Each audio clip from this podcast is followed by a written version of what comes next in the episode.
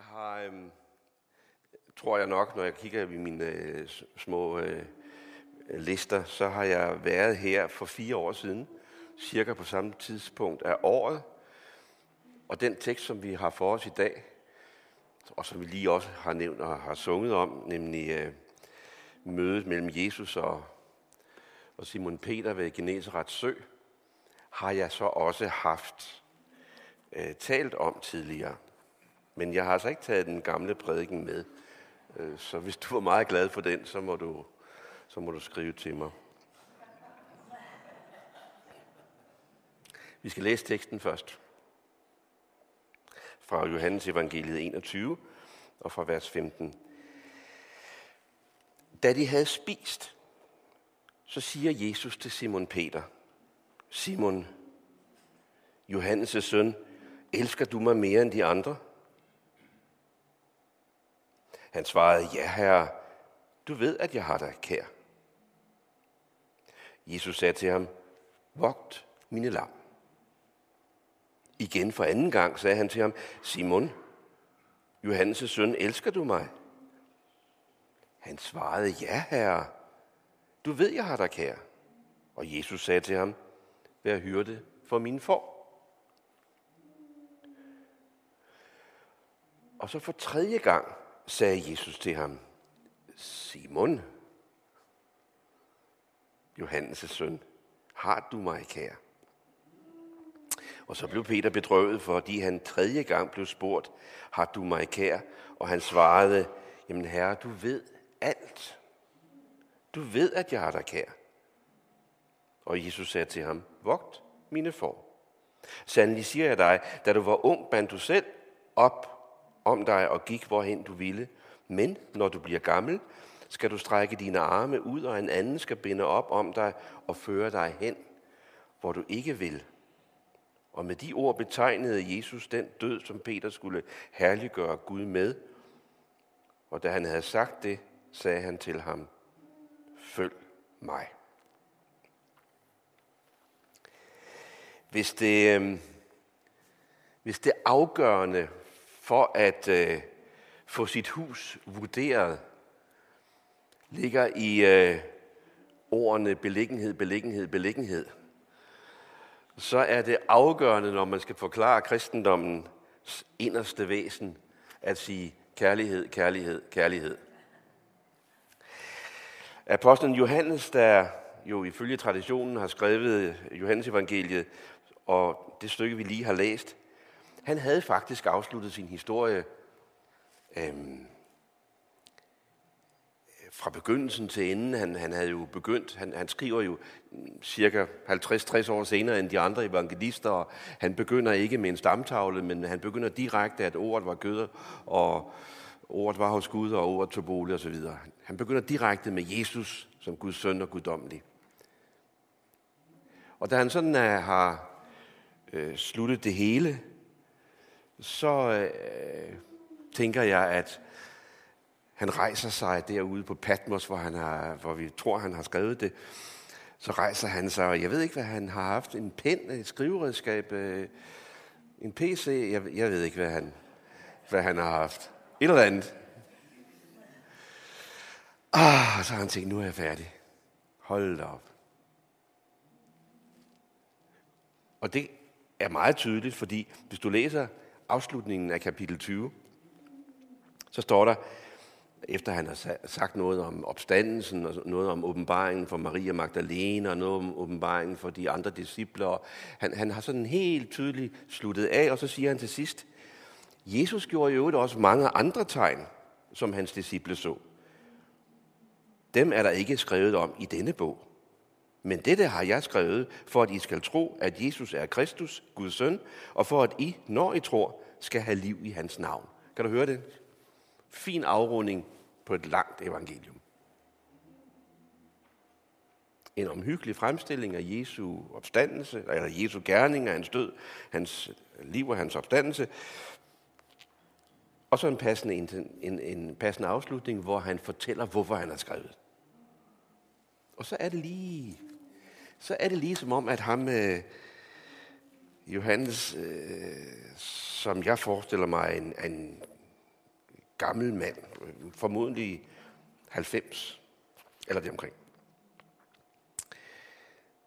Så kommer han i tanker om noget, eller også bliver han mindet om noget, hvis du eller hvad er øh, den udlægning.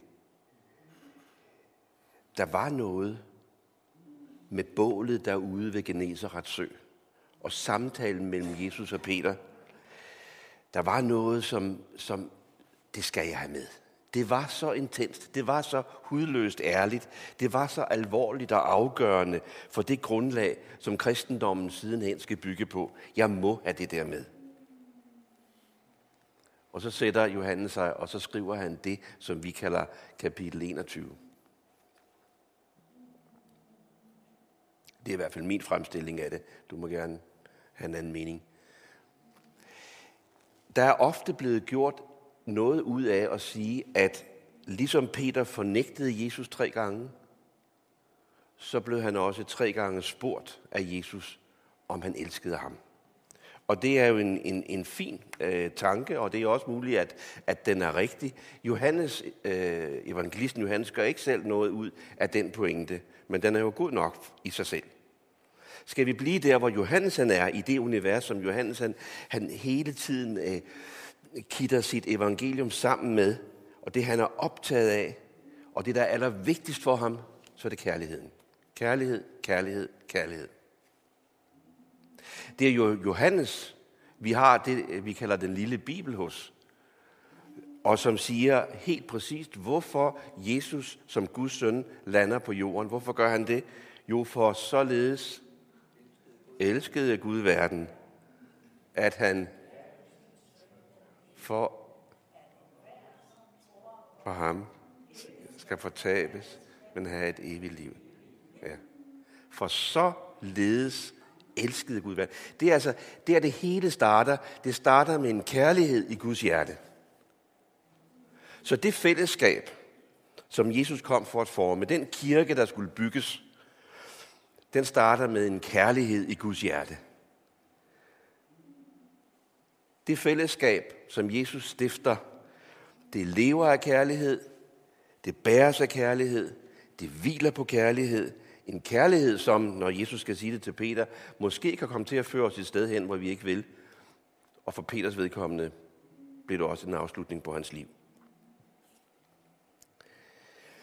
At det er vigtigt for Johannes, det her med kærlighed, det ser vi også nogle andre steder. Vi ser det jo blandt andet, hvor han skriver sine tre breve, eller sin, ja, sine breve, øh, som, han, som cirka dateres øh, samtidig med, med evangeliet. For da han skal skrive ind i de konflikter, der allerede på det tidspunkt, altså i slutningen af det første århundrede, er til stede i menighederne, så skriver han breve, hvor omdrejningspunktet hele tiden er kærlighed. Guds kærlighed til os, vores kærlighed til Gud og vores kærlighed til hinanden. Jeg skal citere nogle af de der øh, øh, steder fra Johannes' breve. Og dette er det budskab, I har hørt fra begyndelsen. Vi skal elske hinanden. Den, der ikke elsker, bliver i døden. Derpå kender vi kærligheden, at han satte sit liv til for os, så skylder vi også at sætte livet til for hinanden. Den, der har jordisk gods og ser sin broder lide nød, men lukker sit hjerte for ham. Hvorledes kan Guds kærlighed blive i ham? En meget spændende sætning om, at jeg i virkeligheden ved ikke, at vise kærlighed lukker af for Guds kærlighed i mit liv. Som har en parallel til, tilgiv du også vores synd, sådan som vi tilgiver vores synder. Vores skyldnere, undskyld. Mine kære, lad os elske hinanden, for kærligheden er af Gud, og enhver, som elsker, er født af Gud og kender Gud. Og så det her meget markante udsagn. Den, der ikke elsker, kender ikke Gud, for Gud er kærlighed. Den, der lukker sit hjerte og det kan godt være, at vi lige sådan tænker øh, materiel nød, den der lukker sit hjerte for den, der lider nød. I hans liv kan Guds kærlighed ikke være. Den, der lukker sit hjerte for den, man ser i en eller anden grad og med et eller andet omfang og med, på et eller andet område i sit liv lider nød, hvis jeg lukker mit hjerte for en sådan person, så kan Guds kærlighed ikke bo i mig. Den, der ikke elsker, kender ikke Gud, for Gud er kærlighed. Og så endnu et citat. For deri består kærligheden ikke i, at vi har elsket Gud, men i, at han har elsket os og sendt sin søn som et sonoffer for sønder, for vores sønder. Mine kære, når Gud har elsket os således, så skylder vi os at elske hinanden. Altså, Johannes har været så fuldstændig opfyldt af dette omdrejningspunkt, og det fuldstændig centrale, når han skal forstå, hvad evangeliet er for noget. Det er kærlighed. Det er Guds kærlighed. Guds kærlighed til os. Vores kærlighed til Gud. Vores kærlighed til hinanden. Vores kærlighed til den verden. Og læg mærke til, der står ikke bare, at så ledes elskede Gud øh, de pæne mennesker, eller dem, der bliver frelst, eller sådan. Således elsker Gud hele verden. Sådan hver, der tror på ham. Jeg, hører, jeg håber, du kan høre, at for Johannes, så er kærlighed lakmusprøven. Øh, og jeg burde have haft sådan en illustration med. Øh, kan du huske det fra fysiktimerne eller kemitimerne, hvor man skulle stikke noget papir ned i en eller anden væske, og så kunne den blive blå eller rød, øh, alt efter om det var base eller syre? Er der slet nogen, der kan huske det? Nå, nå, nå, okay.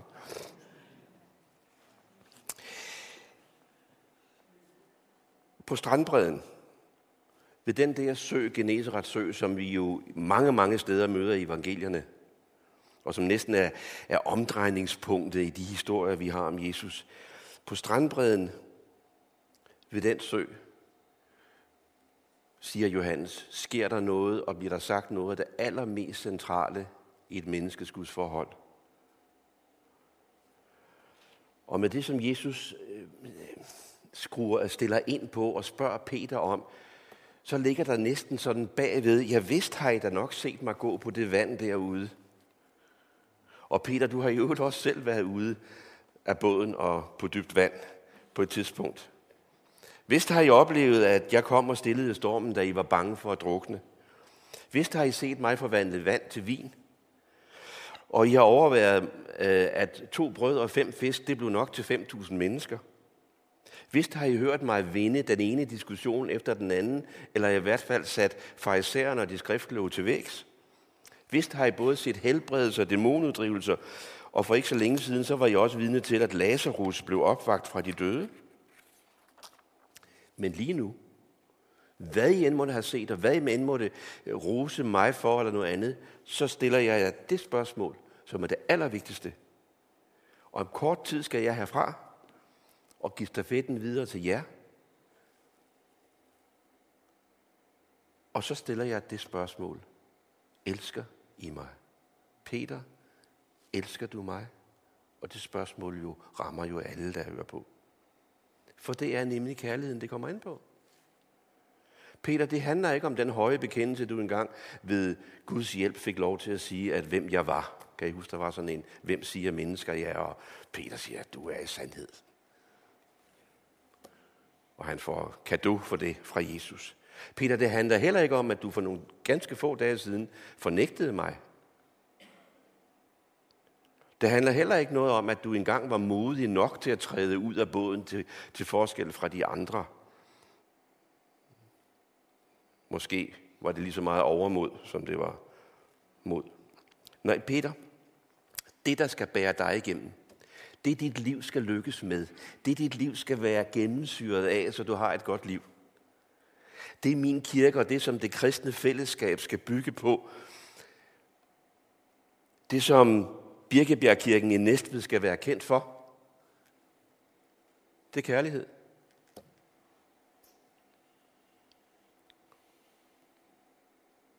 Alt det andet er meget, meget fint. Alt, hvad der er sagt og gjort og sket, er mirakuløs karakter, eller Gode ting og dårlige ting, konflikter, såvel som det modsatte.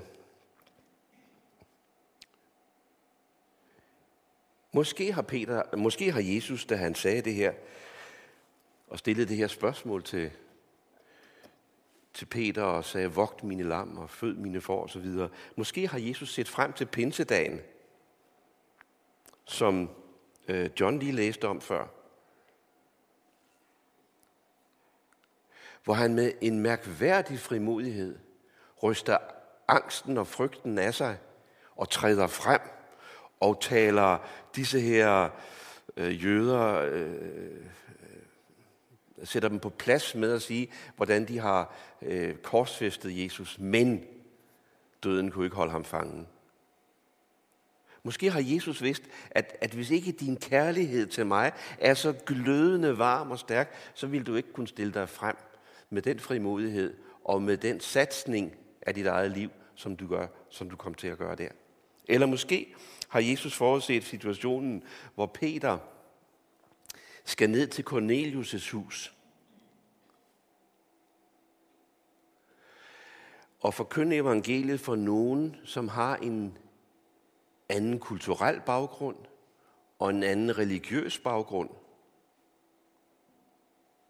Og skal opleve, at de længe før de har nået at tro på noget som helst af alt det rigtige, så falder Guds ånd der, og de kommer til at tilhøre Gud.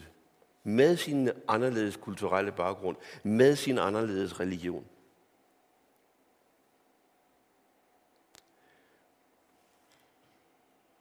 Uanset om sådan nogle små formuleringer her er rigtig leg, så er det i hvert fald sådan her, at Jesus siger, Peter, før jeg beder dig tage vare på mine for, så skal jeg vide dette ene af dig, elsker du mig.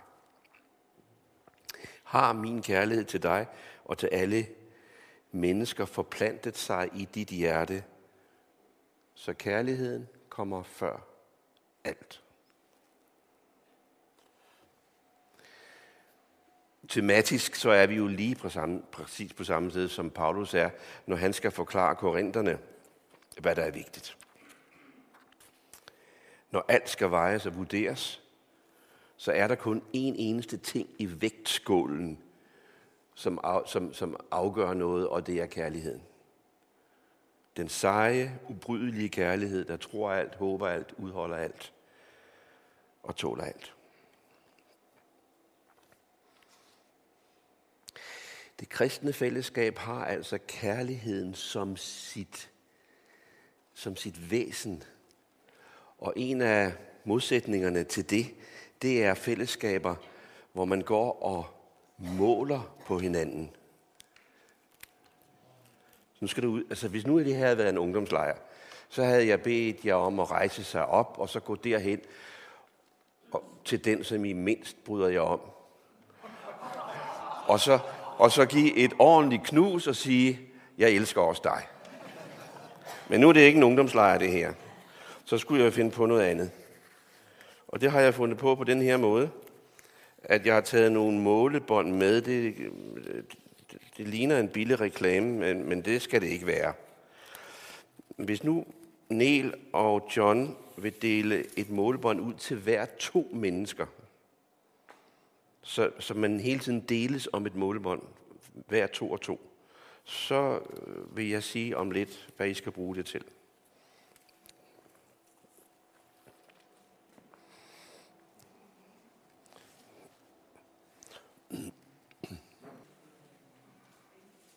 Ja, det er godt med lidt opfindsomhed, det kan jeg se.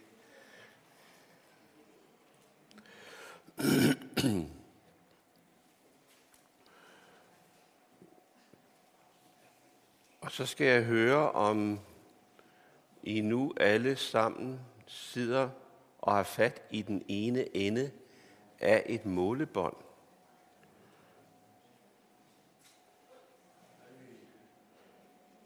Kan I dernede bagved nå sammen der, hvis det er? Ja, det er fint.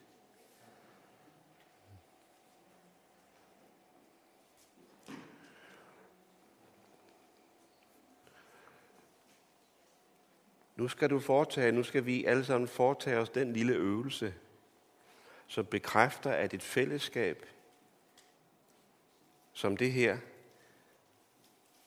ikke er et fællesskab, hvor vi går og måler på hinanden og vejer og har meninger om dit og dat og dut. Derimod er det et kærlighedens fællesskab. Og det markerer du ved sammen med den, du holder det her målbånd ved at rive det i stykker. Så nu river du det målbånd over, gør du. Jo, jo, jo. Ikke noget fusk her. Det målbånd skal gå i stykker. Og det skal være jeres markering af, at jeg vil ikke være en del af sådan et målefællesskab. Jeg vil være en del af et kærlighedsfællesskab. Og du må gerne tage den der stump med hjem, og hvis du er meget from, må du gerne lægge den i din bibel.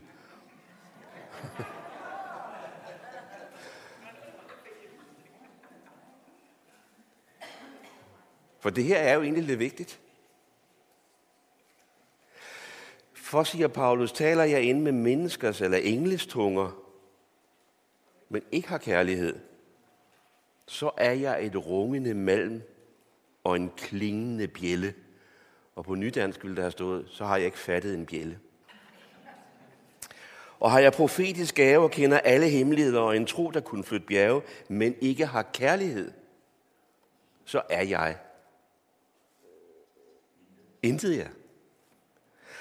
Og vidste jeg alt om de sidste tider, og kunne jeg min bibel uden ad, og ikke elskede min næste?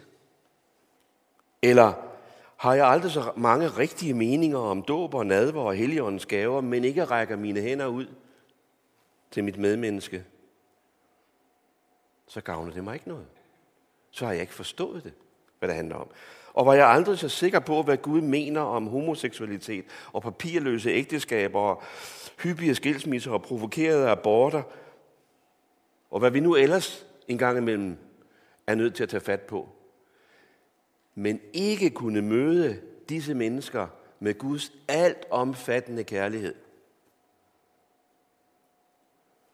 Så nyttede det mig ikke noget, og så var det ingen grund til at være kirke i Næstved. Kærlighed er lakmusprøven. Og det var det, jeg gerne ville sige til dig i dag. Og håber, at du lige tager den der i turevne strimmen med dig hjem og lad den minde dig om, at al vores målen og vejen og have en meninger om alverdens ting, det er der jo ikke noget galt i sig selv, men i det øjeblik, det bliver til en dom over mit medmenneske, så har jeg lavet mig forføre.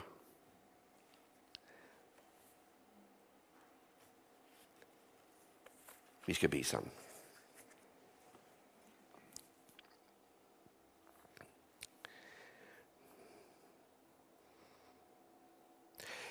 Herre, du bøjede dig under kærlighedens lov.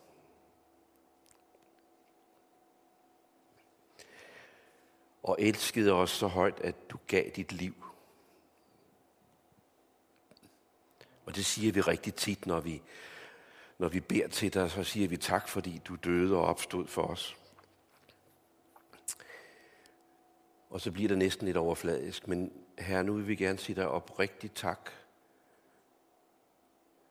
for den kærlighed, der begyndte hos dig, og som du plantede i vores verden, og som du ved Helligånden har lagt ind i vores liv, og som du inspirerer os til at vise hver eneste dag og udleve hver eneste dag. Til vores nærmeste, til vores familie, til vores naboer, til vores by, til vores land.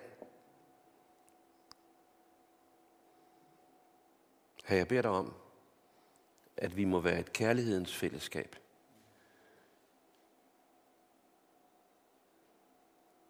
Og jeg beder dig om, at Birkebjergkirken ikke bare må være kendt for kirken dernede med det skrå kors, men være, kirke, være kendt som kirken med meget kærlighed.